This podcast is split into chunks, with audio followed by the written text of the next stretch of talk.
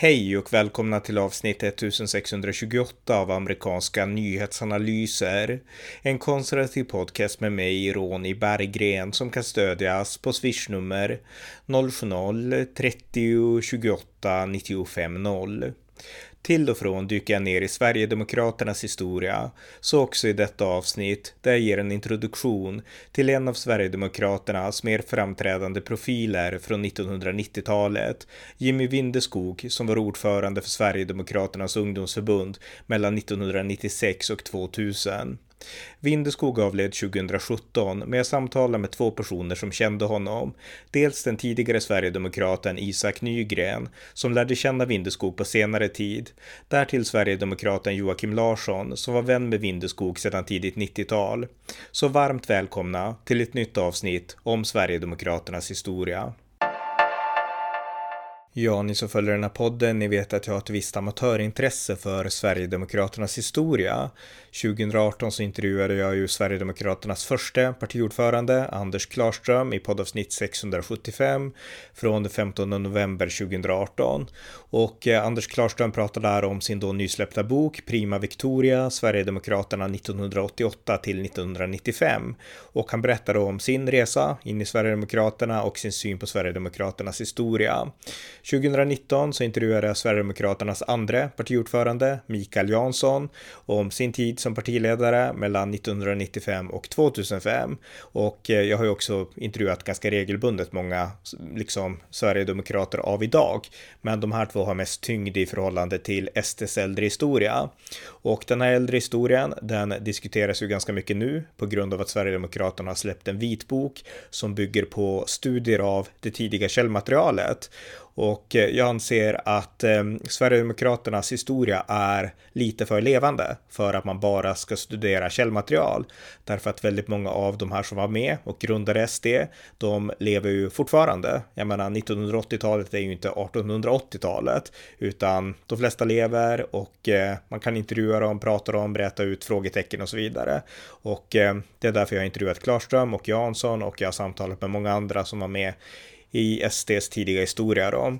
Men idag så ska ni få stifta bekantskap med en person som jag inte kan intervjua. Och det är Jimmy Windeskog som var ordförande för Sverigedemokraternas ungdomsförbund mellan 1996 och år 2000 när Jimmy Åkesson tog över den rollen. Och eh, att jag inte kan intervjua honom det beror på att han avled 2017 men jag har intervjuat två andra personer som kände honom och orsaken till det här intresset för Jimmy Vindeskog, det beror på att jag hittade ett intressant eh, klipp av honom där han intervjuades 1996. Han var då 22 år gammal tror jag och eh, hade nyss blivit ordförande för Sverigedemokraternas ungdomsförbund och han intervjuas och han gör en klockren analys av ja, samtiden på den tiden. Men det är en lika klockren analys av nu, nutiden, alltså vår tids problem med massinvandring. Så lyssna på det här klippet och eh, bedöm själva, själva om ni tycker att det här är en god analysförmåga eller inte. Men varför är ni så illa, illa omtyckta? För det är ni trots allt bland väldigt stora grupper. Ja, det är ju, etablissemanget har ju bevisligen någonting emot Etablissemang, etablissemanget? Ja, ledande partier och uh, media i allmänhet skulle jag vilja påstå har väl under alla år skildrat oss på ett sätt som eh, vi anser vara oobjektivt. Och sen finns det naturligtvis en eh, liten skala gatubröder. Men jag tycker inte den eh, är representativ för det svenska folket. Det svenska folket har till största del tröttnat på den förda flyktingpolitiken. Det är upp till oss att göra det för den viktigaste frågan för människor. Och då tror jag att vi i Sverigedemokraterna kan gå väldigt långt. Men just eh, flyktingpolitiken är också er viktigaste fråga och det står inskrivet i ert program som den viktigaste punkten. Ja. Var, varför är det det? Ja, I dagsläget som samhället ser ut och Sverige har utvecklats till ett eh, mångkulturellt samhälle som vi då är motståndare mot så är det naturligtvis för, ja, i dagsläget det, är den viktigaste punkten. Att, Men varför är ni motståndare? Ja, för att vi anser ju att eh, det mångkulturella samhället inte för någonting, gott med sig. Och det har ju visat sig under historien också att sådana samhällen har ofta blivit splittrade våldssamhällen med stora sociala klyftor. Vi vill inte ha ett sådant Sverige. Vi vill ha ett uh, Sverige som är homogent. Men det är inte sagt att vi, kan, att vi inte ska hjälpa människor från andra länder eller på andra kontinenter. Men vi anser att man ska hjälpa dem på plats. Här står det u-hjälpen slukar miljarder. Delar av dessa belopp skulle behövas bättre till de sämst ställda svenskarna. Barnfamiljer med låga inkomster, bättre skolor, bättre sjukvård etc. Ja. Eh, Men... eh, Så man ska ta pengarna från... Eh, Ja, vi menar inte att man ska avskaffa u-hjälpen helt, men som den är idag så är den ju alldeles för hög anser vi. Och om man lyssnar på nationalekonomer som Ferdinand Banks till exempel, han kallar den svenska u-hjälpen för den största skandalen i modern svensk historia. Och eh, den är inte speciellt effektiv som den är. Ut- Utan istället har det visat sig att länder som inte har tagit emot u-hjälp har klarat sig många gånger mycket bättre med, än länder som har tagit emot. För att det, det ett eget ansvar. Okej, ni, säger, ni skriver också i ert partiprogram om en om den västerländska kultursfären. Ja. Att det är okej med invandrare som kommer därifrån, men inte de andra. Ja, det. bygger ju på kultur. Att eh, det mångkulturella samhället, bristerna i det bygger ju på att det blir konflikter mellan olika kulturer. Och har man liknande kultur så blir eh, chanserna mindre att man ska få de här konsekvenserna. För vi anser ju inte att Sverige inte ska ta emot en enda människa från, från något annat land. Det, det är inte det vi, dit vi vill komma. Däremot vill vi begränsa det här till den västerländska kulturkretsen. Men vilken är faran? Jag ser inte faran. Faran är när olika grupper eh, helt enkelt kolliderar utav den uh, orsaken att man har en annorlunda grundsyn på saker och ting. Som på religion och man har en annan historia, framförallt kulturen då, men även eh, sätt att eh, bete sig i samhället, hur rättsstaten ska se ut, vad man kan göra mot varandra. Här har vi alltså en konflikt. Och eh, det Men det måste ju inte, behöver inte vara en konflikt.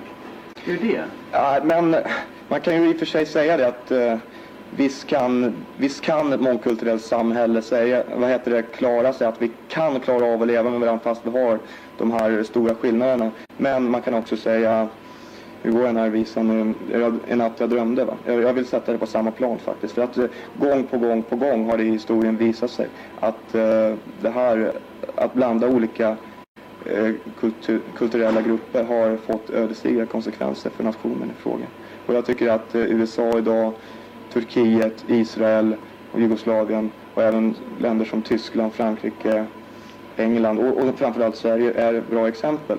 Men, men det andra jag själv märker av det på, Ja. det är att det fin- finns partier som era. Så du tycker inte att eh, det finns en konflikt mellan svenskar och invandrare? Nej. Ja, I sådana fall så vill jag påstå att vi inte lever i samma värld. För att eh, om man går ut eh, och ser sig om i Sverige så ser man det. Jag ser det ganska klart i alla fall. Och om inte du ser det så vet vad, vad? att att det blir en konflikt. Att det blir en intressekonflikt för det första, för den ekonomiska fördelningen. Men även om vi vore ett eh, självständigt samhälle, så människor som har helt andra förutsättningar och helt andra grundprinciper kommer, om man har sådana här stora eh, summor flyktingar som vi har haft till Sverige på senare år, det, det, det kommer inte på att fungera.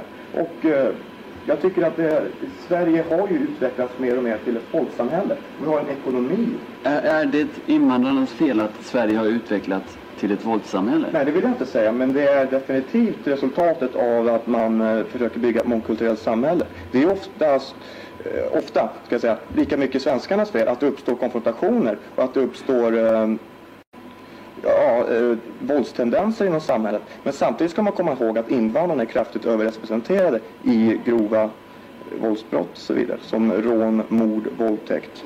Men ekonomiskt, anser du att invandrarna är förfördelade? Att de har förmåner med det. Ja, m- fler förmåner än vi svenskar har. Jag anser inte att de har mindre i vissa delar, kan de naturligtvis ha fler. Men eh, det där är ju en väldigt svår fråga att svara på med tanke på att det är så pass hög arbetslöshet bland invandrarna. Jag, jag tycker att det blir ingen rättvis bedömning riktigt. För att eh, som invandrare kan man gå väldigt, väldigt länge arbetslös. Ni säger ju att ni är ett icke-rasistiskt parti. Det är sant. Eh, ni skriver så här. Lagstiftning, lagstiftningen har hela tiden skärpts från myndigheternas sida för att diskriminera svenskarna. Ja, just det. Ta, då kan man ta lagen om hets mot folkgrupp till exempel. Eh, vi kan inte annat än att se på den lagstiftningen som ett rent skämt förrän någon döms för att ha begått hets mot folkgrupp mot svenskar. Och det har ju aldrig hänt och det troligtvis kommer inte att hända heller.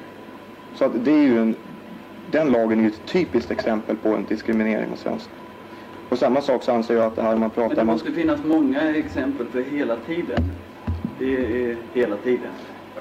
Ja, men det, invandringskvotering, det är också en samma sak. Det är ju, alltså, det är ju diskriminering av svenskar. Att man ska kvotera in eh, eh, invandrare på arbetsplatser och eh, på skolor och så vidare. Samma sak det här som vi hade eh, praktikplats för ungdomar. När det gäller svenskar så måste företag alltså betala för att, för att uh, ha en sådan. Och, men för invandrare så är den gratis. Men då måste jag fråga dig, varför mm. tror du att invandrare kommer till Sverige? Enligt FNs siffror så är ju ungefär 2,5 procent riktiga flyktingar och de flyr väl undan uh, uh, Ja, de flyr för sitt liv ofta. Men resten måste ju rimligtvis vara ekonomiska flyktingar. Vilket betyder? Att man helt enkelt eh, byter eh, världsdel eller land för att få en högre ekonomisk standard. Man kommer till Sverige för att få det bättre? Ja. Man lämnar eh, sina vänner och släktingar, ja, släktingar. sitt hemland för att komma till Sverige och ha det bra och leva på, på Ja, släktingarna kommer ju ofta med. Det här är ju svårt. Jag kan inte säga att eh, det definitivt är så. Men om jag tolkar FNs eh, siffror på vilka som är flyktingar och vilka som inte är flyktingar så har vi alltså ungefär eh, 97 procent som inte är flyktingar. Och jag kan ju bara spekulera vad de har för motiv. Jag kan ju inte med säkerhet säga att det är så. Men däremot kan jag säga att de här inte är flyktingar enligt, FN, äh, enligt Genèvekonventionen. Det var alltså Jimmy Windeskog och jag tyckte att den här analysen var klockren och det väckte mitt intresse för att eh, ja, gräva ner mer i Jimmy Windeskog, vem han var och eh, hur han tänkte och sådär. Och det har jag gjort nu genom att läsa hans blogg och genom att läsa skrifter och eh, prata med människor som, som kände honom då och så.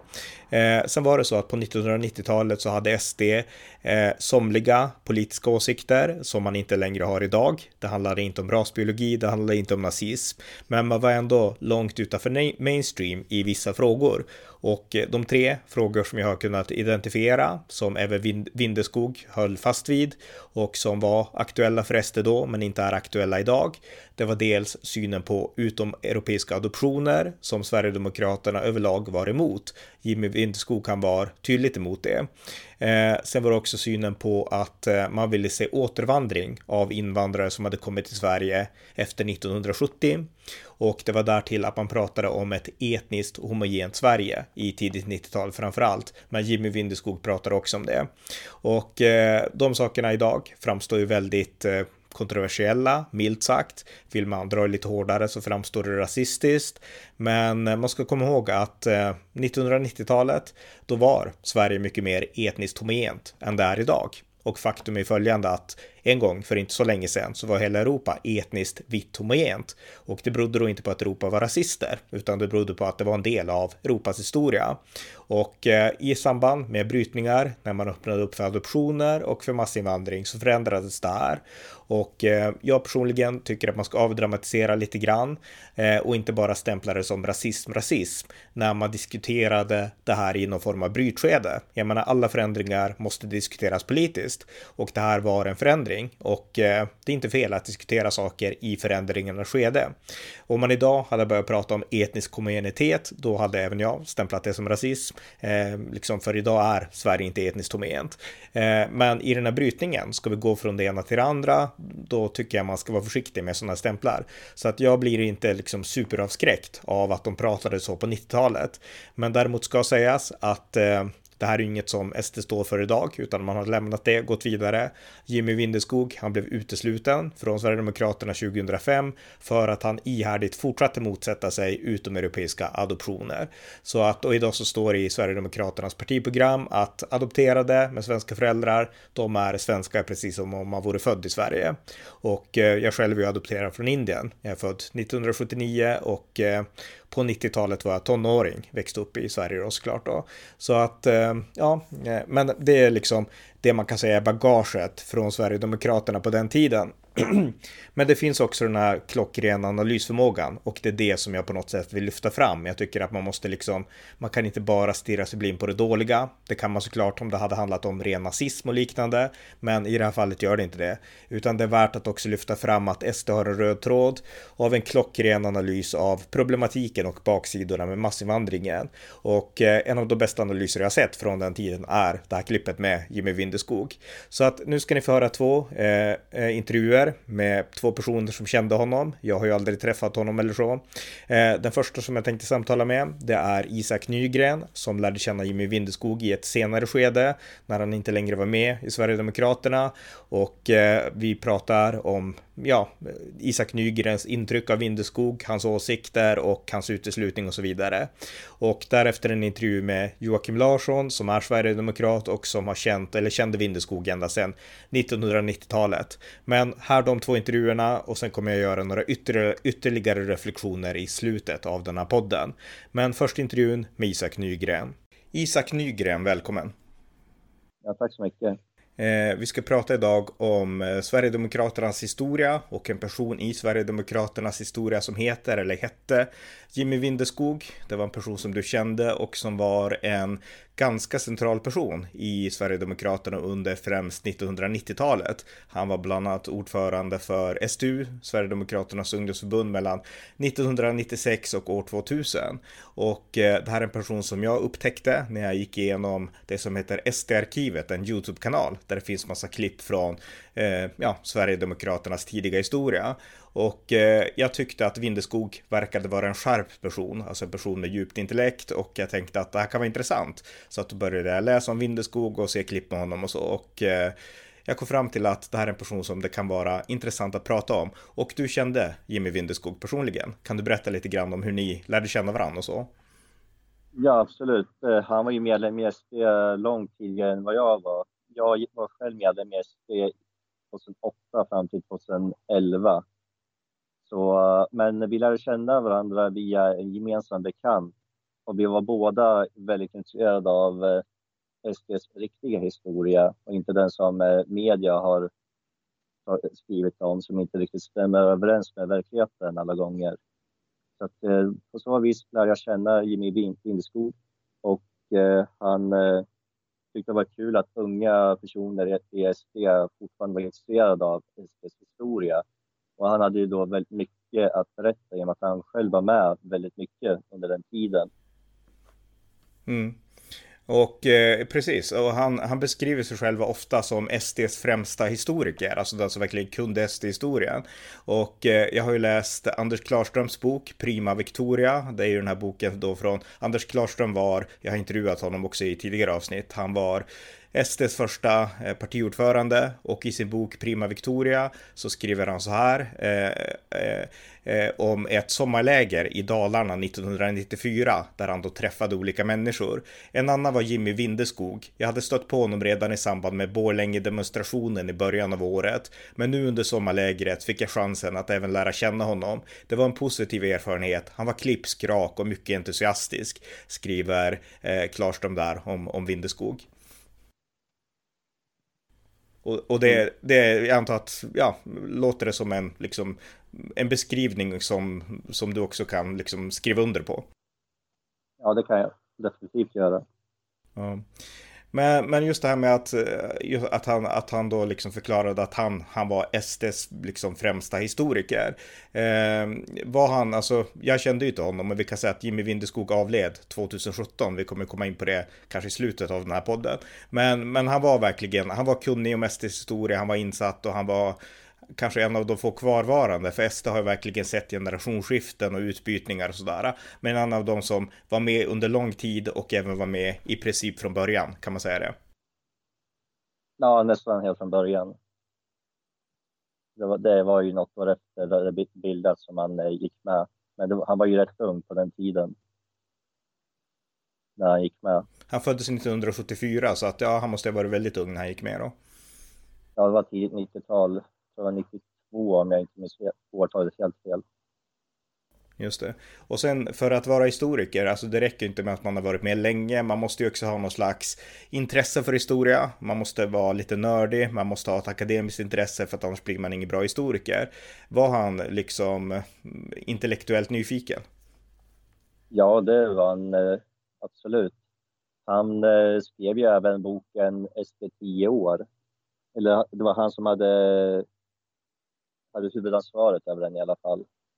Sen var det några andra som också skrev i den också. Men eh, det var en av de tidigaste SD-böckerna om eh, partiets historia som kom. Det var 1998. Som jag tycker är väldigt intressant. Det var väldigt många bilder i den också, som man får se.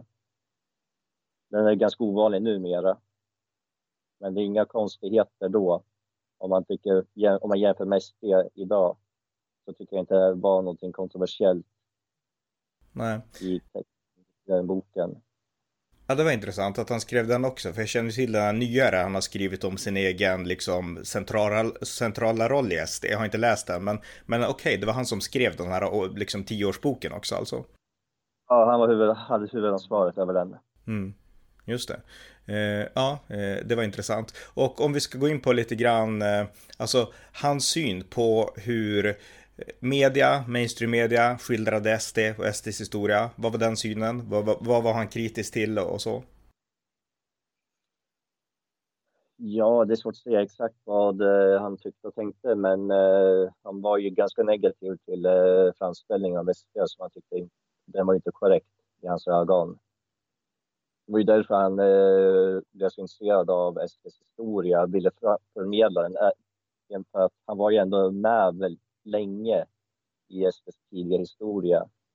Så att han hade ju bra koll i och med att han satt i partistyrelsen. Han var ju ordförande för eh, ungdomsförbundet och allt möjligt. Så eh, såklart han ville tycka att eh, det var de negativa skriverierna inte var korrekta och det ville han ju då ändra på.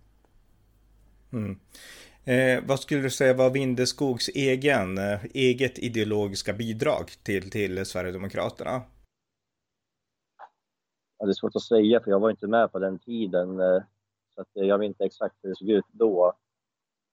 Men eh, jag vet att man kan ju säga att på den tiden mellan 1995 fram till 2005, då var det den falang som kallades för bunkerfalangen som hade makten i partiet. Och han var ju en del av dem och de var ändå måna om att de ville inkludera alla falanger inom partiet i partistyrelsen för att det skulle bli, bli fredligare inom partiet. Och det var ju en diplomatisk syn på organisationsarbetet. Så att eh, han var ju väldigt tolerant av sig på det sättet. Mm. När det gäller ideologi och sådär så har jag läst lite grann på Jimmy Windeskogs blogg och eh, jag tycker att han har en intressant, eh, det har ju uppstått en diskussion senare om det som kallas etnopluralism och det kan vi gå in på om en stund. Men han har en ganska intressant distinktion mellan sin syn på en nation, hur man bygger en nation och eh, den syn som han vänder sig emot. Och han vänder sig då emot det som kallas för statsnationalism och det innebär alltså att man bygger en nation på idén om att det är staten som ska hålla, hålla, hålla ihop nationen via en konstitution eller något annat som i USA eller Frankrike. Alltså lojalitet till staten, det är samma sak som att man är en ja, nationens medborgare. Och han menar då att eh, Sverige är byggt upp mer på idén, inte, inte kanske om en stat, utan att nationer bygger på idén om ett folk. Och eh, då menade han då att det är en folk som bygger en kultur och eh, ja, i Sverige så är det liksom ett homogent folk som har byggt den här kulturen. Pratar om lite grann. Jag tycker också att det var, det var rätt intressanta tankar som han hade där. Mm. Absolut, eh, det kan man tycka. Och eh, han har ju en viss poäng i det i och med att eh, många länder i Europa har ju ändå byggt upp på ett fold eh, historiskt. Framförallt när imperierna föll ihop. Framförallt eh, från 1800-talet och framåt. Sen har det blivit förändrat nu på senare decennier, sista halvan, ja, under andra, eh, efter andra världskriget så att säga. Men eh, visst, han pratade om det ibland, eh, men det var inget central grej när vi umgicks, Nej. när vi pratade med varandra via internet. Nej, just det. Nej, just det. Jag har bara läst det här på hans blogg. Jag kan ju inte så, så mycket egentligen. Men, men det var intressant. Men om du pratar lite mer och berättar lite mer om ert liksom, umgänge, vad ni gjorde, hur ni, alltså du har ju berättat hur ni lärde känna varandra och så, men alltså umgicks ni ofta och sådär och eh, vilka intryck fick du av Jimmy Vindeskog, alltså när ni umgicks, av honom som person och sådär? Ja, nu bodde vi lite långt ifrån varandra så vi träffas ju inte så jätteofta, men det hände ju när oftast när vi väl träffades så träffades vi som en grupp. Det var ett gäng då som alla hade bakgrund i SD. Eh, framförallt på tidig, SDs tidiga historia. Och eh, när jag var där, då var jag den enda som egentligen inte hade bakgrund till SD på 90-talet, som alla andra hade på något sätt. Och eh, det var intressant att höra deras berättelser. För några av dem är ju fortfarande kvar i SD än idag och har viktiga roller. Ja, just det. ja. Eh, ja. Eh, men om vi då kommer in på, för att det liksom, vi har pratat tidigare också när vi införde den här intervjun och då sa du ett, ett stort eh, kännetecken för Jimmy Vindeskog, det var att han var, han var en idealist, alltså han var idealistisk. Kan du, kan du utveckla det? Ja, han trodde ju på, starkt på det han eh, ville, som han trodde på, han vägrade vika sig. Ett exempel på det var ju ändå att eh, långt efter han lämnade SD och även när han gick med i eh, Nationaldemokraterna. Eh, han röstade ju fortfarande på SD i riksdagsvalet. Även när han var medlem i Nationaldemokraterna. Och att han eh, ändå inte vek sig eh, när det gällde arbetslivet. Han, han var utbildad statsvetare. Och eh, han fick inga jobb eh, på grund av sin partihistoria. Och han hade fått höra att det skulle bli lättare om man tog avstånd från både SD och eh, ND. Men han vägrade göra det. Mm. Han vägrade mot det han trodde på. Ja, eh, precis. Och det, det är många som är liksom teoretiskt sinnade, som läser böcker och så, som blir idealister och de får ofta den här alltså mentaliteten att jag viker mig inte utan jag har mina ideal och ni måste respektera det. Han känns som en sån person ganska mycket. Ja, och det intressanta är att han läste mycket böcker och skrev eh, flera böcker faktiskt, eh, mer än eh, två. Eh, och det är eh, intressant med tanke på att han var ändå dyslektiker. Så att, eh, han, eh, han fick ju kämpa med det här, men eh, det gick ju tydligen bra ändå. Så att han försökte. Han ville ha kunskap, han ville förmedla kunskap. Så att han hade ju det här problemet då med dyslexin som han då försökte övervinna så gott det gick. På grund av sin idealistiska syn. Mm. Eh, det visste jag inte och det, jag menar med tanke på hur väl han skriver, både på sina bloggar och det jag har läst och sådär, hur han uttrycker sig i tal och så, så det visste jag inte, utan det, ja, mer än jag visste. Mm. Ja, han nämnde vid ett tillfälle att han var dyslektiker. Ja. Eh, men det som hände i alla fall då, alltså han vart ju eh, ordförande för SDU eh, där på 90-talet. Han efterträdde sen av Jimmy Åkesson år 2000. Har du någon koll på vad hans primära gärningar var som ledande för SDU? För jag har sett en del filmklipp i, i SD-arkivet då, där Jimmy Vindeskog, han, han är ofta ute på demonstrationer och eh, man har ju den här bilden från 90-talet att det här var liksom knäppjökar och så. Men Vindeskog är alltid ett sympatiskt intryck och man, han är ju inte den här som går omkring och liksom nu ska jag slåss och sådär, utan han, han ger ett lugnt intryck och man ser att det här är ju en, det här är en teoretiker. Det är ju liksom inte någon liksom gatuaktivist som är där ute på, på på liksom demonstrationerna. Ehm, så att jag tror att han, ja, mitt intryck av honom, det är väl alltså, han, han ger ett sympatiskt intryck när man ser honom i de här äldre videorna. Ja, i och med att jag inte var själv var med så är det svårt att ge en bra, ett bra svar där. Och eh, vad som skiljer honom med, med de andra kan jag inte heller svara på egentligen. Av samma skäl att jag, jag var inte med. Nej. Han var sympatisk. Eh, han hade kunnat få en fin sportkarriär när han valde politiken istället. Hade han, hade, ja, hade han några andra intressen? Det här blir lite spretigt i mina frågor, men hade han några andra intressen än politik? Ja, ishockey. Okej. Okay.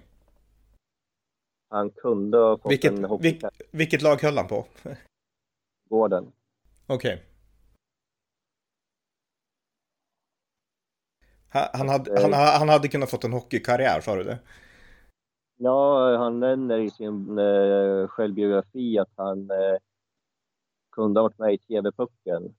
Eh, den här eh, turneringen för 15-åringar. Och väldigt många går ju sen vidare till eh, professionella hockeykarriärer, men han valde politiken istället för att vara med i TV-pucken. Just det. Mm. Ja, men okej, okay. eh, SDU-tiden är kanske svåra för dig att prata om. Men i alla fall då, han, eh, eh, det som hände med Jimmy Windskog det var att eh, han skrev ett blogginlägg 2005. Och eh, i det blogginlägget så kritiserade han adoptioner och det här är ju ett ämne som vi kanske kan komma in lite grann på. Eh, och det var ett inlägg som han publicerade på sin blogg den 29 september 2005. Eh, rubriken var Tony Wiklander och mångkulturen och Tony Wiklander var då Sverigedemokraternas viceordförande.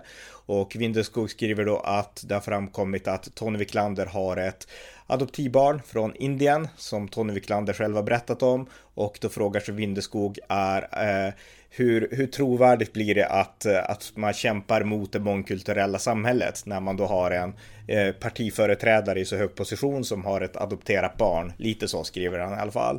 Och det här blev väldigt eh, ja, kontroversiellt inom Sverigedemokraterna och det ledde sedan till att han blev utesluten. Han fick ett brev från Björn Söder, eh, partisekreteraren där och eh, han skrev också ett svar, Jimmy Vindeskog, ett långt svar på sin blogg om, om sin syn på saker och ting och så. Men han blev utesluten där. Berättade han någonting om dig, om den här liksom uteslutningsprocessen? Därför att han var ju ändå en person som hade varit medlem i Sverigedemokraterna under väldigt lång tid. Ja, jag har bara vaga minnen. Jag tror han nämnde vid något tillfälle, eh, lite kort bara, och eh, det mesta är redan känt. Jag tror inte han lade... eh, utöver det som redan är känt så fanns det nog ingenting nytt där, men eh, det finns ju ett annat svepskäl. Det var ju att han har gjort en eh, Charlie Chaplin-imitation eh, som misstolkades grovt som eh, någonting annat. Men eh, det var två år tidigare han blev utesluten och det helt plötsligt blev det ett skäl i uteslutningen. Det misstolkades som en eh, hittehälsning när det inte var det. Eh, så att, eh, det var ett svepskäl detta fall, för det tog ändå ett par år. Ja, just det. Ja, fortsätt. Men, men han sa inte så mycket om det. Han, han försökte fokusera på framtiden. Nu, nutid och framtid. Just det.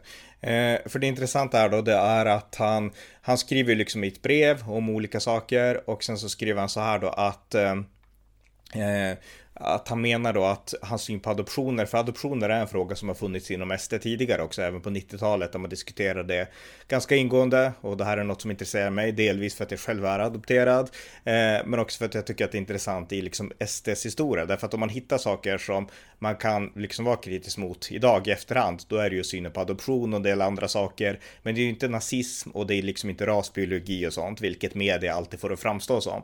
Eh, det finns ju inte inom SDs historia skulle jag säga alls. Men det har ändå funnits vissa av de här liksom betonat på det etniska och eh, synen på adoptioner i synnerhet. Och eh, Vindeskog han skriver så här på sin blogg, ett blogginlägg den 28 oktober 2005.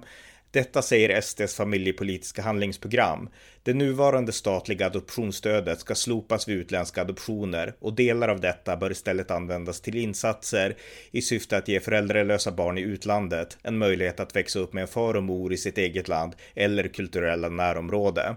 Eh, det sa han då om SDs familjepolitiska handlingsprogram 2005, alltså för väldigt länge sedan. Sen skriver han vidare. Skrivningen är av nuvarande partiledare Jimmy Åkesson som sålde idén med resonemanget om Eh, att om man tog bort allt ekonomiskt stöd för utländska adoptioner så sätter man i praktiken stopp för dem och detta utan ett förbud som meningsmotståndare kan attackera och den slutsatsen är riktig. Så att det här är också rätt intressant då, att han, han menar då bara att det här är en, liksom, det här är partiets syn ungefär och eh, även Jimmy Åkesson har i en mjukare tappning varit inne på den här synen därför att vi har diskuterat ganska ingående adoptioner inom partiet.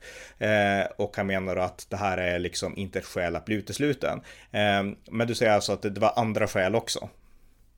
Ja, jag tror det här var huvudskälet eh, som gjorde att han blev utesluten. Men man tog med någonting annat som hände två år tidigare som var någon småsak. Mm. Ja, det, det, med frågan om adoptionerna, det var nog huvudorsaken, det, definitivt. Ja, ja. Och eh, jag menar, jag kan ju tycka också att, eh, att på ett sätt var det bra att han försvann ur partiet därför att de här äh, åsikterna hade ju inte varit gångbara. Jag menar, jag kan tycka så här när man diskuterar det här i efterhand. Jimmy Vindeskog kan vara, säg tio år äldre än mig, nästan. Jag är född 79. Och många i hans generation, om man säger så, de växte upp i ett Sverige som var mycket mer homogent än det Sverige som kom bara lite senare. Eh, de flesta eh, som växte upp i Sverige då, alltså majoriteten av de som bodde i Sverige, de var svenskar, etniska svenskar, kulturella svenskar och svenskar i alla bemärkelser. Och jag skulle tro att för en sån generation, då vart det ju liksom en naturlig fråga, adoptioner, är det vettigt eller inte? Men 2005, då var adoptioner väl etablerat, det fanns hur många adopterade som helst som växte upp i Sverige, jag var en av dem dem. Eh, och jag var ju vuxen då till och med. Alltså, så att jag menar, på den tiden när Vindeskog drog upp det här, då var det ju helt ute ur tiden och jag skulle tro att yngre politiker som Jimmy Åkesson, de förstod det och insåg att det här är något vi måste helt lämna bakom oss. Och Vindeskog, han vill ändå stå kvar vid att det här är ju våra principer och det här är ju liksom det vi har diskuterat på 90-talet i partiet och så. Och det känns som att här så skär sig lite grann hans eh, eh jag menar, hans personlighet av att vara idealist, av att liksom ha sina teorier och att hålla fast vid principer, det skar sig lite mer än praktiska verkligheten skulle jag säga. Eh, det är min bedömning i alla fall av den här situationen som utvecklades, som sen ledde till hans uteslutning. Skulle du kunna dela den analysen? Ja, vad man kan säga om detta är att eh, han följer partiprogrammet så noggrant han kunde och eh, du citerar lite text där eh, så att eh, jag vet inte vad han verkligen tyckte eh, i, det, i denna fråga, för det här var någonting eh, vi aldrig diskuterade överhuvudtaget. För, för mig är det här en icke-fråga. Eh, och eh, SD har inte den politiken under den tid jag var medlem i SD. De hade ingenting om, pratade aldrig om adoptioner. Och för mig, eh, så, för mig är det ingen viktig fråga överhuvudtaget där. Så uh, frågan aldrig upp. Men uh, hade SD då den, en punkt som nämnde adopterade då i partiprogrammet, då förstår jag varför han nämner det uh, i de uh, texter han skrev då och uttalande kring detta. Ja. Men uh, jag hör om att det var lite ur tiden. Ja, ja verkligen. Alltså det, det, det, bara för att vara glasklar, alltså det här är ju en total icke-fråga idag. Det finns inte. SD har ingenting med sån politik att göra idag. Och även när Jimmy Vindeskog stod fast vid den här principen så var det ute. Det är det som jag, liksom, jag vill betona här. Ute även i SD och det här fasades ut under Jimmy Åkesson vill jag också vara väldigt tydlig med. Väldigt tydligt att, att det försvann. Så att, men, men det jag vill komma åt här, det var egentligen att en sån här person som är väldigt intellektuell, för det är det jag vill på något sätt betona att han var. Alltså jag är imponerad av hans intellekt direkt när jag ser hans intervjuer, hans sätt att föra sig i media, hans sätt att resonera. Det är liksom en intellektuell person som man skulle kunna ha stort nytta av i egentligen i vilket parti som helst.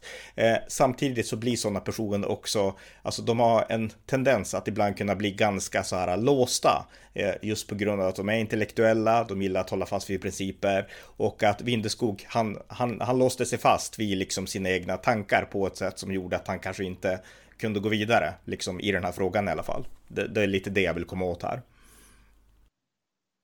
Ja, det är ju sant att eh, han var ju väldigt engagerad eh, kring SDs frågor och SDs historia eh, ända fram tills han dog. Så att eh, det här var ju någonting eh, som eh, var en del av hans identitet så att säga. En slags SD-identitet. Han var ju ändå medlem väldigt många år. Så och jag tror att en dag så var han inte medlem längre och jag tror det, det kan ha påverkat honom negativt också. Mm. Eh, det som hände sen då när han eh, lämnade SD och utslöts ur SD, det var att han gick med i Nationaldemokraterna. Och det här är ju det här utbrytarpartiet som startades 2001 eh, av Tor Paulsson tror jag startade det. Och eh, det här partiet, jag vet inte om de började som ett mer uttalat etnopluralistiskt parti eller om det blev då utvecklades med tiden där man då vill se att, alltså man ska dra det väldigt krast så att då vill man se att olika folk med olika etniciteter och raser lever i olika länder alltså eh, och så. Eh, och eh, ja, jag vet inte hur mycket, hur mycket, när nationaldemokraterna anammade det här eller vilken mån de gjorde det. Jag kan inte så mycket om dem. Men eh, Jimmy Vindeskog, han gick med i det här partiet i alla fall. Eh, vet du någonting om varför han liksom valde att ta det steget? Ja, han ville ju fortfarande vara aktiv i politiken och, och eh, om SD inte var ett alternativ eh, längre för honom eh, på grund av att han blev utesluten, då fick han ta det minst dåliga. Eh, man får även tänka på, jag vet inte exakt när han gick med, jag tror det var året efter han blev utesluten. Om jag minns årtalet. 2006 då, i så fall. Eventuellt för att eh, han gick med då. Och, eh, men han var aldrig aktiv medlem om jag det Men eh, väldigt många känner ju igen varandra för de som grundade SD, eller så ND, var ju medlem i SD på, 90-talet fram till 2001 då. Och jag vet inte om ND talar om etnopluralism exakt 2001. Jag tror det kom efter, men de ville betona det mer än vad SD någonsin gjorde. Så att de var, lite, de var ju en radikal falang inom SD. Mm. Som då alla försvann till Nationaldemokraterna. Just det. Mm. Kan säga att det var, en, det var ett hot mot SD 2002. Efter det så slutade det vara ett hot helt och hållet. Mm. Ja, ja, verkligen. Nej, men där gjordes ju en tydlig brytning också. Det började ju redan under Mikael Jansson när man då bröt med de här falangerna som sen blev Nationaldemokraterna. Eh, eh och sådär. Så att, men, men det jag tycker är intressant, alltså det jag vill komma åt här då, det är att gick eh, Vindeskog med i Nationaldemokraterna för att han anammade deras mer tydliga etnopluralism? Eller gick han med bara för att jag måste hitta ett annat parti nu när jag inte har SD längre? Jag tror han tog det som var minst dåliga och under många år ND hade en eh, ekonomisk politik som var, jag tyckte att den påminde lite om Vänsterpartiet och eh, Vindeskog var ju egentligen eh, klassisk socialdemokrat egentligen. Mm. Så att eh, jag tror den ekonomiska politiken tilltar honom, men just eh, etnopluralism och sånt, det vet jag inte eh, spelar en jättestor roll för honom egentligen. Nej. Även om han var emot det heller. Men det, det, var liksom ingen stor fråga för honom. Det var inte det. För när man pratar idag om sådana saker, då är det det man ska liksom fokusera på. Och, så, och man tänker då att alla som är med i en sån rörelse, det är liksom den frågan de drivs av. För annars hade de inte varit med. Oavsett om vi säger Nationaldemokraterna eller Sverigedemokraterna tillbaks. Det är liksom det som man kan stämpla som rasism. Det är det som lockar dem. Men det är kanske inte alltid det som lockar dem heller. Nej, men eh, man får även komma ihåg. Eh, Vindeskog var uttalad nationalist om man inte kan vara med i, i hans syn det bästa i nationalistiska partiet, och då måste han ta det minst dåliga och då var det bara en del kvar. För eh, han var ju inte nazist. Han var ju för demokrati. Mm. Han var starkt för demokrati. Det var därför att han, när han satt i SDs, eh, eh, vad heter det, SDs partistyrelse, då var han väldigt mån om att eh, inkludera andra falanger i, i partistyrelsen för att undvika bråk, så att säga. Mm. Så att, eh, och demokratiskt var han, så att eh, egentligen eh, hans ekonomiska syn eh, var ju till vänster om SD. Men i övrigt med SD till fullo. En lustig sak är att eh, när Vindeskog gick med i Nationaldemokraterna så var det flera personer i ledningen som han hade varit med och uteslutit eh, bara några år tidigare. Just det. Och eh, var, varför, hur kom det sig?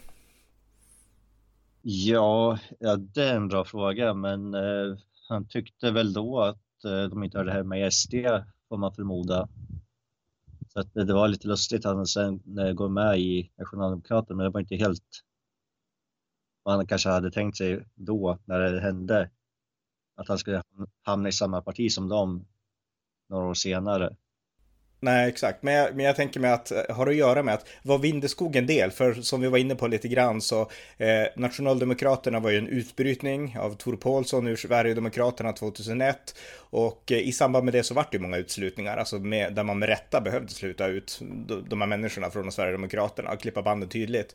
Eh, var Jimmy Vindeskog en del av att liksom tydligt ta avstånd från det som blev Nationaldemokraterna när han själv var Sverigedemokrat? Eh, jag vet inte exakt detalj här. Jag vet bara att han har sagt det till mig att eh, han var med och uteslöt en del personer eh, som hamnade i ND. Till exempel de som hamnade i ND, de som grundade det var ju förutom Tor Paulsson så var det även Anders Sten. Jag tror båda de var i alla fall med och uteslöt. Sen vet jag inte i hur många han var med och röstade för uteslutning och hur många av de som man röstar nej till. Det har jag ingen aning om.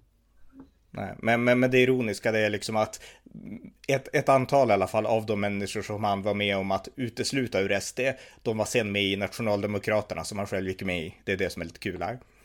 Ja, det, det är lite ironiskt. Och du, du var inne tidigare på att trots att han var med i Nationaldemokraterna så fortsatte han att, att rösta på SD i, ja, i, i valen. Ja, ja, det gjorde han. Det sa han till mig jag antog att han skulle rösta på Nationaldemokraterna till, eh, till riksdagen, men eh, det gjorde han inte. Jag vet inte om han någonsin gjorde det överhuvudtaget. Han kan ha röstat på dem lokalt, om det var möjligt. Men eh, annars var det SP som gällde. Och det, jag tycker att det är intressant därför att det visar lite grann. Det finns ju många som har blivit utslutna ur SD genom åren och många av dem har blivit bittra och liksom sagt att nu, nu hatar jag SD och sådär. Men eh, Vindeskog blev alltså inte bitter på det sättet. Sen har jag läst, alltså jag har läst, jag har, in, inför den här intervjun så har jag gått igenom hans sociala medier lite snabbt och så här. Och jag hittade ett ganska, det här var ett ganska roligt inlägg, eller ja, det är ganska kul. Han skrev så här på Facebook den 27 augusti 2016 och då skrev han då om, han skrev så här, mycket häftigt att en barndomsidol, Peter Jezewski, eh, spelade på SD-festivalen. Passande musik också. Eh, är jag avundsjuk på att Jimmie Åkesson fick sjunga med Jezewski på scen? Givetvis, men Åkesson har ju ändå snott så mycket från mig så han kunde gott stjäla den upplevelsen också, skriver han. Och eh, jag läser det här med en smula humor då liksom. Alltså det var ju liksom någon slags att, ah, han har snuvat mig på så mycket Åkesson, men han kan snuva med på det här också. Jag tyckte det var lite kul, men alltså min fråga är liksom, var han bitter mot SD eller mot, mot Jimmie Åkesson och så här för att han hade blivit utsluten? Eh. Ja, han var väl lite bitter kan man ju säga för att eh, de tog ifrån han eh, hans identitet lite eh, i hans liv. Blev ju helt annorlunda efter han lämnade SD, men eh, han kunde hylla Åkesson, han kunde hylla Söder när han gjorde saker bra, någonting bra. Så att han var inte så här extremt negativ på det här sättet. Det var lite mer hyllas den som hyllas bör. Sen att ingen är perfekt. Och, eh, men han blev inte neg- han kanske inte uppskattar exakt alla förändringar inom SDs politik, men han förblev ju ändå SD i hjärtat tills han dog. Mm. Men, men det här är också, nu kommer vi tillbaka lite grann till den här personligheten, för det är det som gör att jag finner honom intressant. Alltså den här akademikern som är idealist och som gillar teorier och sådana saker. En sån person kan bli väldigt träig, låst i sina idéer, vilket leder till hans uteslutning. Men det gör också att man blir lojal, därför att då är man lojal till idéer, kanske mer än till personer och mer än till partier. Och när han då tyckte att Sverigedemokraterna har ändå övergripande väldigt bra idéer så kan jag ändå fortsätta rösta på dem och liksom, för, liksom se bortom mina egna personliga liksom ja, att jag själv känner mig bitter och besviken för att jag blev utesluten. Men idéerna är ändå bra. Jag menar, det är också en del, att kunna göra så är också en konsekvens av just den här idealistiska personligheten. Mm. Det kan jag säga. Var, var min egen tanke. Håller, håller du med om det? Eller ty, tycker du att det skulle ja. stämma på Vindeskog? Ja, det skulle jag säga. Mm. Eh, men okej, okay, Vindeskog, han, eh, som jag sa, han föddes 1974 och eh, det innebär att han skulle bara vara, ja men snart i 50-årsåldern om han hade levt idag. Men han dog 2017 och eh, det är alldeles för ungt för att dö när man är, ja, vad han nu var då, men inte så gammal. Eh, hur kom det sig att han, att han dog? Eh, vad jag har hört så råkade han ramla ner på ett tågspår eh, när han var på väg hem eller något eh, och han inte komma upp förrän ett tåg kom och han blev påkörd. Okej, okay, så okay, ja. Trag, tragisk olycka helt enkelt. Ja. Ja, eh, det var, det var tragiskt. Men, men så här, om vi ska börja av, sammanfatta och avrunda lite grann. Eh, liksom några, har du några ytterligare reflektioner om, om Jimmy Vindeskog? Ja, det, det är svårt säga, peka ut någonting specifikt där. Nej, men, men något, eh, något allmänt som du vill berätta eller säga eller sådär. Som, som vi kanske inte, som jag har missat i det här samtalet som du känner att du vill få fram? Ja, jag sa att han var dyslektiker. Det kanske inte var allmänt känt. Eh, han var även vegetarian också. Men eh, vad mer man kan säga, svårt att säga. Men eh, han var väldigt bra på att knyta kontakter. Så att han var ju social på det sättet och väldigt många har ju även folk som inte var med i SD samtidigt som han var, i mitt fall till exempel. Eh, vi fick ju kontakt för att eh, jag var intresserad av SDs historia helt enkelt. Jag köpte ju alla historieböcker om SD som jag bara kunde få, få tag på. Och jag tror det var lite åt det här hållet också, även om han eh, var, han var ju med väldigt mycket också. Så att eh, han ville ju då, då kunna jämföra på ett helt annat sätt vad som var sant, vad som inte var sant. I mitt fall måste jag fråga folk som var med på den tiden. Vad är sant? Vad är inte är sant? Så får jag höra deras åsikter. Mm. Och eh, han hade alltså, trots att han inte var med SD längre, så hade han ändå intresset av att på något sätt värna och liksom problematisera, analysera och liksom diskutera SDs historia. Alltså det intresset behöll han. Ja, det gjorde han. Just det. Så att du skulle, du skulle instämma i att han var en av STs bästa historiker. För nu är det mycket prat, SD håller på med en vitbok. Första delen är släppt, jag har läst den. Jag har faktiskt inte kollat upp, jag undrar om jag ska snabbkolla det. Men vi pratar om Vindeskogs nämns i den där vitboken. Eh, jag skulle tro att han gör det. Men, eller jag, jag hittar den inte nu, det tar för lång tid, jag får kolla sen. Men, men eh, alltså eh, nu pratas det mycket om SDs historia i alla fall, det var dit jag ville komma. Men eh, en av de främsta, alltså mm, personerna som var med i historien och som var nyfiken på SDs historia, det var Jimmy Vindeskog. Så vill man på något sätt få förståelse för historien så är han en av de personer man, ja, kanske borde ha liksom intervjuat lite mer och liksom samtalat mer eh, med under hans levnad kanske. Ja, Eh, jag har inte själv läst den här vitboken, men jag kommer definitivt göra det så fort jag får chansen. Ja, jag gör det precis. Och jag, jag, ska, när vi har slutat ska jag kolla upp om han nämns där. Jag försöker hitta den. Jag tror jag laddade ner den, men jag hittar den inte nu i mina filer. Eh, men, eh, ja. Eh, ja, nej, men då har vi fört ett intressant samtal om Jimmy Vindeskog. Eh, en sista chans här. Alltså är det något mer ytterligare som du skulle vilja säga om honom? Eh, ja, han eh, benämnde alla sina vänner som eh, folkkamrater. Att, men då var det mer på ideologisk plan att alla som värnar om Sverige är folkkamrater.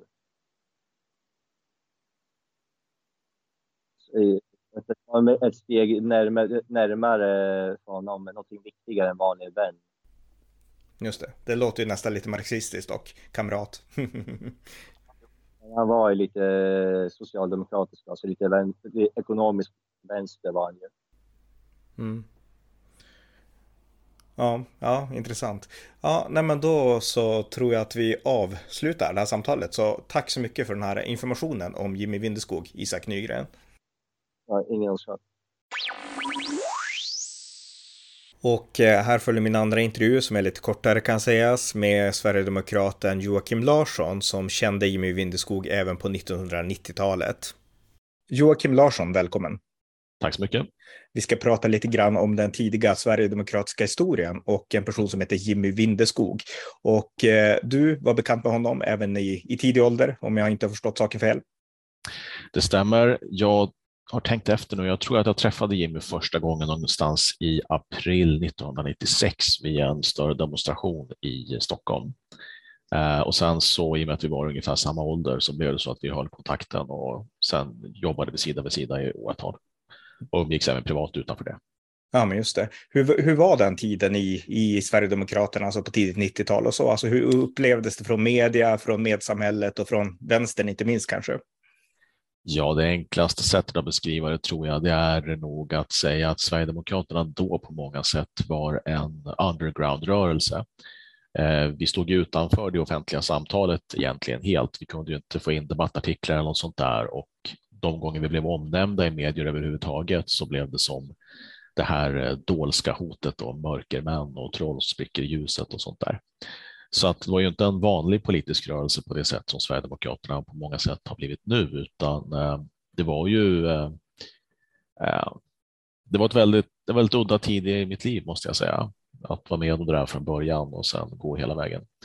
Det, man fick vänja sig vid att man var Eh, man stod utanför det normala samtalet och de normala politiska förhållandena. Det, det blev så.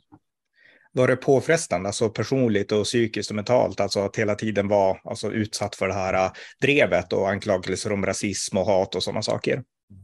Ja, väldigt mycket så, det måste jag säga. De personer som hade svårt för det där, de försvann väldigt snabbt och, och det förstår jag ju för att man blir utsatt för äh, direkta fysiska attacker och trakasserier och så där ifrån eh, AFA främst och andra extremvänstergrupper. Det kunde till exempel vara sten genom fönstret eller att man fick sin bil uppbränd eller att någon gjorde klistermärken med ens ansikte på om man var känd utåt och satte upp i ens område och sånt där. Så att, eh, och det är många människor som inte riktigt klarar av sånt. var, du person, var du personligen med om något sånt? Ja, jag var med om att bli överfallen, eh, till exempel efter ett torgmöte på Sergels torg, jag tror det var 97. Eh, då eh, gick vi ett bakhåll som eh, extremvänstergrupper hade lagt för oss när vi var på väg från platsen. Eh, och vi blev nedslagna med järnrör och så där och jag fick själv åka till sjukhus och sys med ett antal stygn i huvudet och så där. Mm. Och eh, liknande händelser inträffade för många andra också. Just det. Eh, gällande Jimmy Vindeskog så var det en person som jag inte kände alls och så där, utan jag har läst mest i efterhand och jag tyckte att, alltså mitt intryck, det var att det var en skärp person, alltså en person med ett eh, intellekt och liksom en intellektuell nyfikenhet som jag fann jättespännande. Kan du berätta lite om honom, alltså som person när du lärde känna honom och eh, ja, vad din uppfattning och så var om honom? Ja, det är precis den uppfattning jag har också. Eh, Jimmy Eh, var ju då ledande inom Sverigedemokraternas ungdomsverksamhet när vi träffades och jag märkte ju på honom att det här är en person som har ett djupare intresse för politik än det som jag hade sett hos en del gräsrötter innan. Eh, och det gjorde ju då att vi hade en del att prata om eh, när det gäller just politikens utveckling och så där.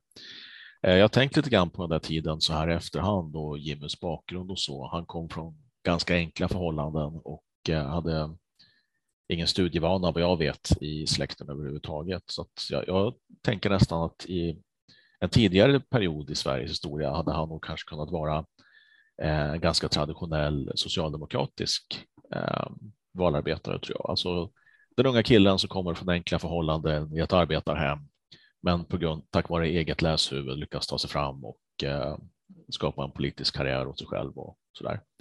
Så att eh, det var lite grann den bakgrunden han hade. Eh, eh, han, skrev, han skrev ju en del ideologiska artiklar också åt både ungdomsförbundets eh, skrifter och även det som han publicerade separat. Vad skulle du säga var hans största bidrag till Sverigedemokraterna där på 90-talet och början av 2000-talet?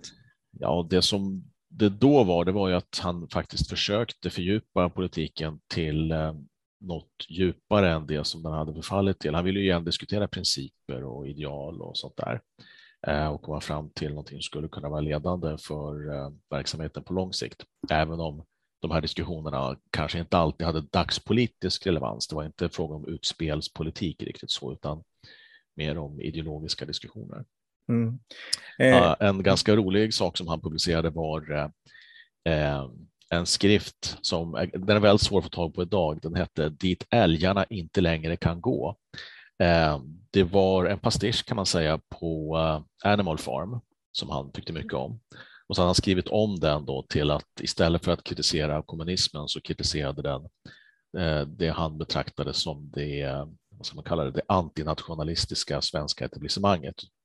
Eh, fast det var skrivet som en fabel då med djur och lite sånt där. Den var, ganska rolig. Jag ska säga att litterärt hade den kanske vissa brister, men han var inte så bra som Orwell. Men den var ändå väldigt läsvärd tycker jag. Mm. Ja, ja, jättespännande.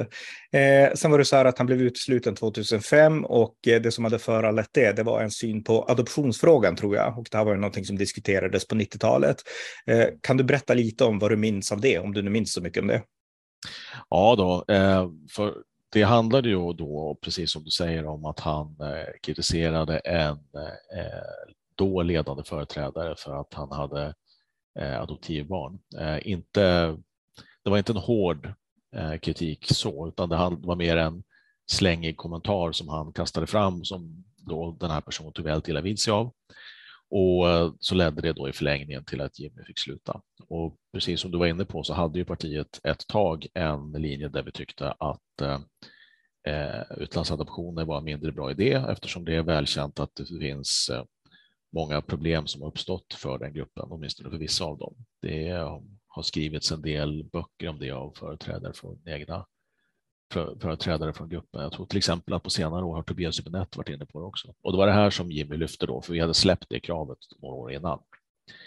Men egentligen om jag ska vara riktigt ärlig så tror jag att Jimmy lyfte det där därför att han ville. Eh, han ville lämna.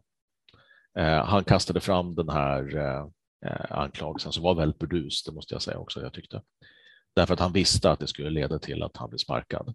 För han hade blivit besviken på partiets utveckling efter att eh, Mikael Jansson lämnade som partiledare. Och eh, då tyckte han att han lägger fram ett, han kastar ur sig någonting sånt här och bara förväntar sig att han ska åka ut. Det, mm. Jag tyckte det var dumt av honom, det sa jag till honom också när det hände. Men det blev precis som han var ute efter. Mm. Eh, jag skulle säga så här, bara för att sammanfatta det kort. Alltså, Jimmy Åkesson har gjort underverk egentligen när det gäller att föra SD in i, liksom, ja, dit SD är nu, liksom ett stort etablerat parti. Men tycker du ändå att det var någon slags förlust att sådana här personer som Vindeskog, som ändå har det här nyfikna intellektet, alltså att de ändå försvinner? Alltså, ser du något, eh, på något sätt, saknar du den här intellektuella nyfikenheten på något sätt som han ändå hade? Jag tror jag måste skilja på å ena sidan Vindeskog-fallet specifikt och den allmänna allmänna frågan du ställer om ideologiska diskussioner. Om vi tar det andra först, alltså ideologiska diskussioner. Ja, det där kan jag tycka i viss mån att partiet skulle kunna vara lite bättre på. Eh, vi är framför allt en kampanjorganisation nu, skulle jag säga, för att eh, främja dagspolitiska förslag. Men vi har ganska lite av fördjupade diskussioner om vad det är som är syftet med alltihop och varför vi håller på med politik överhuvudtaget och så där. Det kan jag sakna lite. Vi har inte ska vi säga, en eh, någon djupare utbildningsverksamhet när det gäller sådana saker för medlemmarna i allmänhet. Så det finns inte.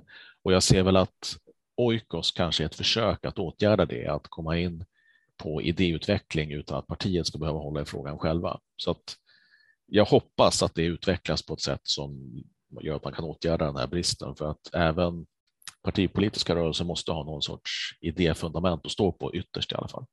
Så det var dels det och sen när det gäller Vindeskog personligen. Ah, alltså jag är lite kluven där, för vi var ju goda vänner och naturligtvis så tycker man ju om att jobba med sina goda vänner. Och där och då, när Jimmy gjorde det där, då tyckte jag att det var väldigt dumt av honom att han borde ha stannat kvar. Men eh, sen fortsatte jag umgås med Jimmy i ganska många år efteråt. Då. Och eh, då kan jag väl säga att han hade nog inte kunnat klara av att fortsätta vara aktiv i SD och det har ju då att göra med eh, hans personliga svagheter. Det, det är välkänt för alla som kände Jimmy att de sista åren av sitt liv så blev han ganska svårt alkoholiserad. Väldigt sorgligt för oss som umgicks med honom. Eh, och det gjorde ju att eh, det var, blev allt svårare för honom att fungera i samhället. Jag ska inte säga att han havererade helt, men eh, det påverkade märkbart hans beteende och hans förmåga att eh, eh, kunna ha ett någorlunda normalt liv. Och då han tappade också mer och mer av sin kapacitet att ha de här djupare ideologiska resonemangen. Tyvärr, mm. alltså flaskan tog honom. Det var mm. väldigt sorgligt för alla oss som såg det. Så att det får väl det som blir det tudelade svaret på min fråga. Ja, jag skulle gärna se mer av ideologisk diskussion. Men nej, Jimmy hade förmodligen inte varit mannen som kunnat åtgärda det. Nej, just det. Men det kan ändå vara värt att betona att, alltså, för jag har sett en del videos i SD-arkivet när han är, alltså han är en helt utmärkt analytiker av, alltså man tycker att, jag menar så här 26 år senare, att det är klockrent, hans analyser redan då av invandring av samhället och så. Så jag menar, det kan vara värt ändå att komma ihåg att det var en person som, som bidrog med liksom en stor intellektuell skärpa, i alla fall i sina ljusaste stunder.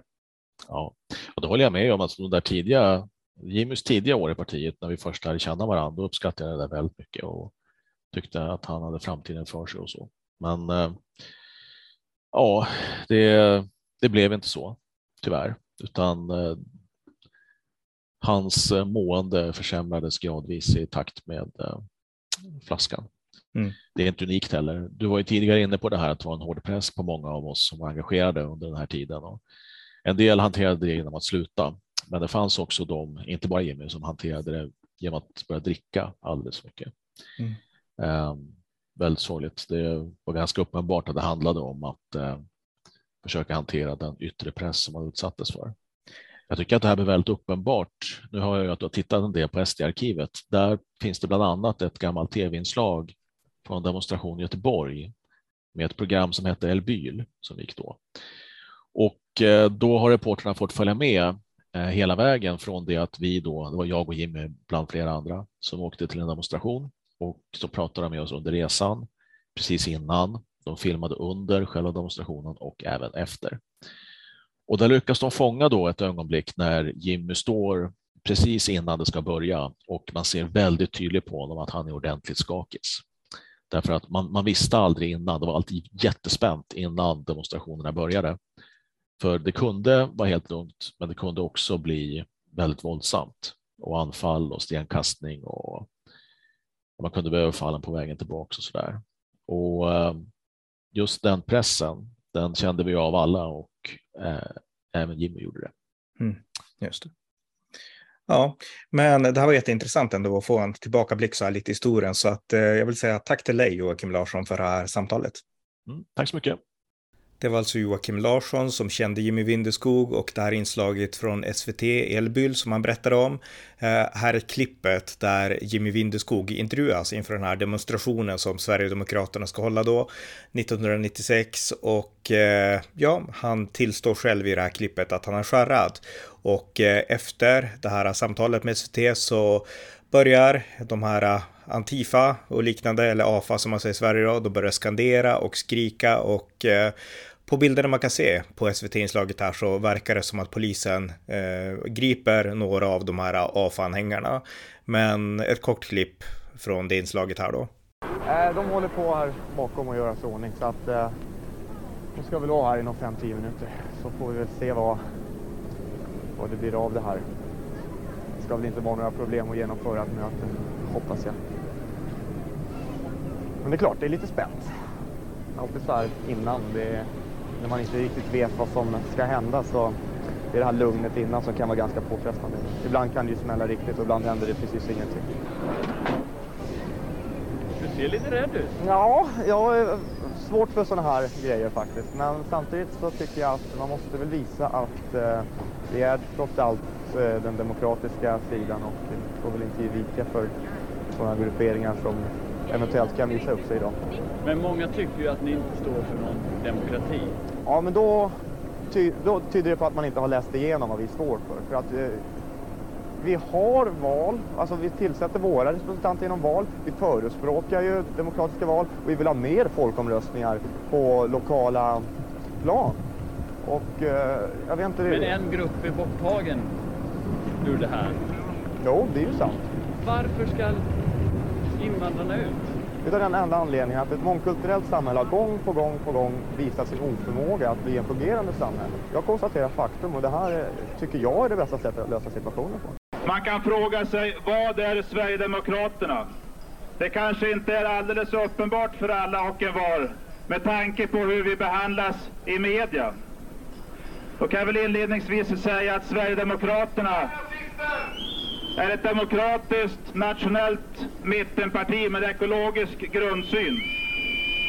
Och i media så förs det ofta fram... Det som inte bär sig snyggt ut. Sanningen om invandring. Ja, det är sanningen. Ja, det är nog sant.